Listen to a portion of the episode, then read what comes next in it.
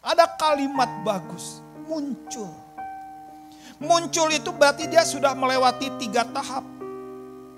Tahap pertama adalah tahap dia diberesin, dipersiapkan, disingkirkan segala sesuatunya. Tahap kedua dia masuk dalam tahap pemakaian Tuhan. Dia disiapin segala sesuatunya untuk masuk dalam tahap persiapan pemakaian Tuhan. Dan yang ketiga, masuk dalam tak dalam waktunya Tuhan. Tiga tahap harus terjadi dalam hidup kita juga. Dipersiapkan dalam pemakaiannya, segala sesuatunya dan ngerti waktunya Tuhan. Dan Yusuf berdamai dengan saudara-saudaranya. Dia ceritain, dia mengaku akulah Yusuf.